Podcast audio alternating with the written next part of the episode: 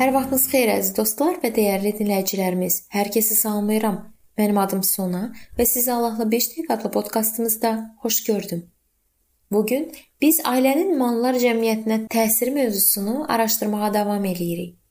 16-cı və ya 17-ci əsrdə 13 yaşlı oğlan imanına görə təqibdən yaxa qurtarmaq üçün valideynləri ilə dağda yaşayırdı.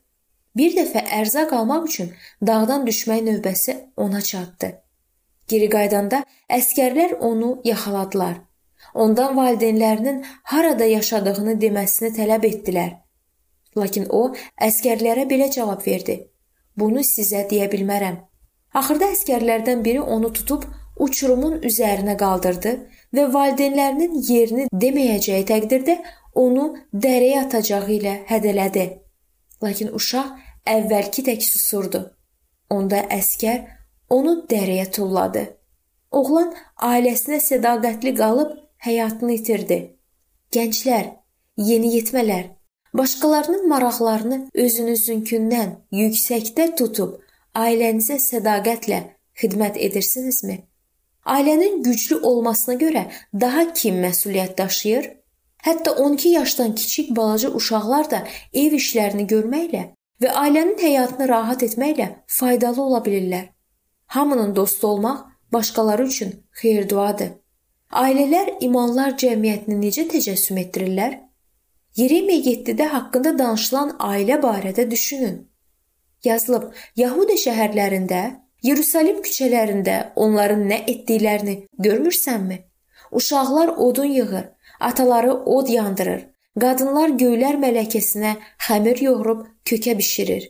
Biz burada birgə məqsəd üçün tər tökən xoşbəxt ailə obrazını görürük. Onlar hamısı kimə itaət edirdilər?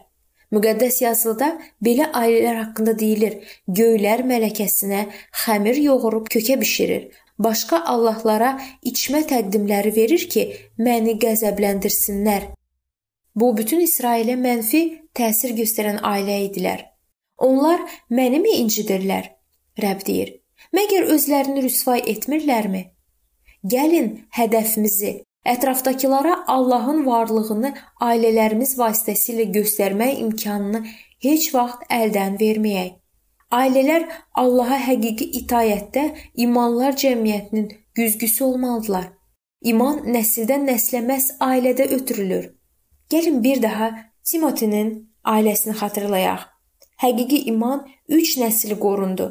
İbadət zamanı sakit əyləşməsi, ibadətdən sonra təmkinli olmağı tərbiyələndirməklə uşaqlarımıza Allaha ehtiram aşılayırıq.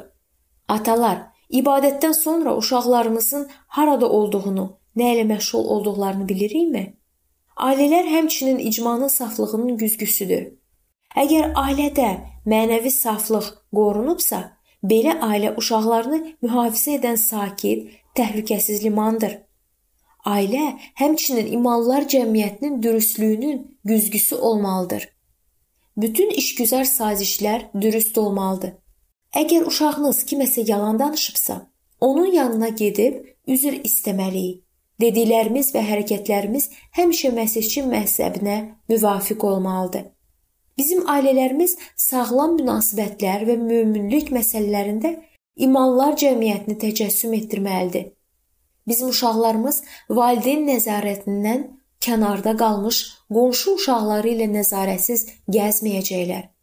Biz istəyirik ki, onların danışdıqları, etdikləri Rəbbin ürəyincə olsun. Qonşularımızdan çoxu həqiqətən də ləyaqətli insanlardır. Lakin uşaqlarımızın həqiqi imanı qəbul edib öz uşaqlarını ötürməsini istəyiriksə, ailələrimizi qorumalı və təcrid etməliyik.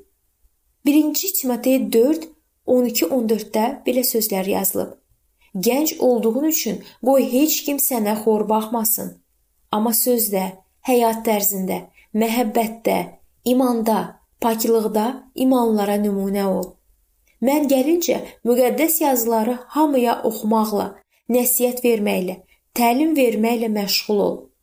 Ağsaqqallar əllərini sənin üzərinə qoyanda sənə peyğəmbərlik sözü ilə verilən səndə olan ruhani ənama etinasızlıq etmə.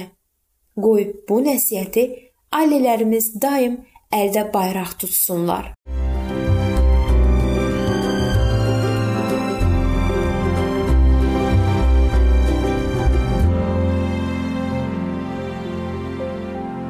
Beləliklə əziz dostlar, bu mövzu burada sona çatdı.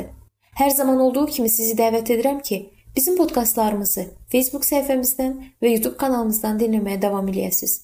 İndi isə mən sizinlə sağollaşıram və növbəti görüşlərdə görmək ümidi ilə sağ olun, salamat qalın.